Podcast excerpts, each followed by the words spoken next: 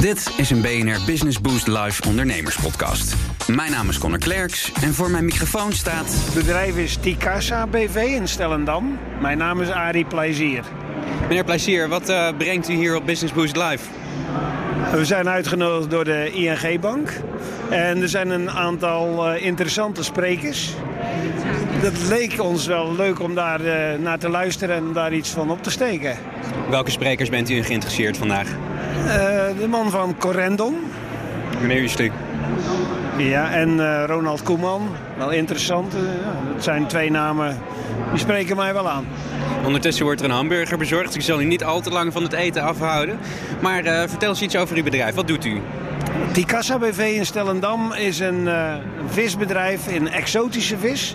Wij importeren uh, exotische vis uit de hele wereld.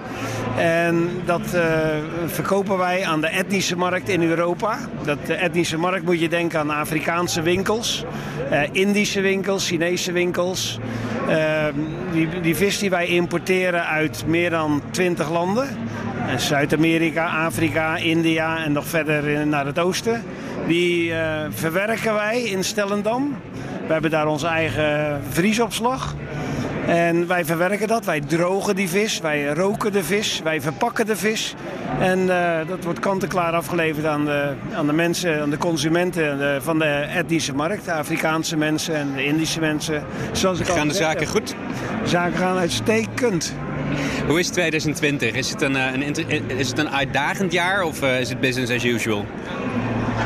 Mm, ja, een beetje business as usual. Het is, het is, er gebeuren weinig spectaculaire dingen. De markt ontwikkelt zich, de markt wordt groter. En uh, ja, daar, uh, daar, rennen wij achteraan, daar doen wij aan mee.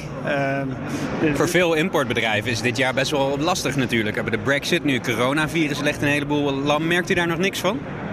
Jawel, daar merken wij wel wat van. Hè. De, de import met name uit Azië vandaan is moeilijker. Dat komt doordat de rederijen minder afvaarten hebben. Uh, met name ook uh, China is moeilijk om daar product vandaan te krijgen. Daar halen wij ook product vandaan. Dus ja, daar, moet je extra je best voor doen. En als het niet in China verkrijgbaar is, dan is het onze uitdaging om het uit andere origines te halen. En dat is onze specialiteit. Hè. Het, is, het is niet alleen het, het verkopen van een exotische vis aan de etnische markt, maar met name de sourcing. He, kan je het niet in China halen, probeer het dan uit een ander land te halen. En daar zijn wij goed in. Vooralsnog houden we het bij een Nederlandse hamburger. Die wordt koud, dus ik ga je aan het eten laten. Dankjewel.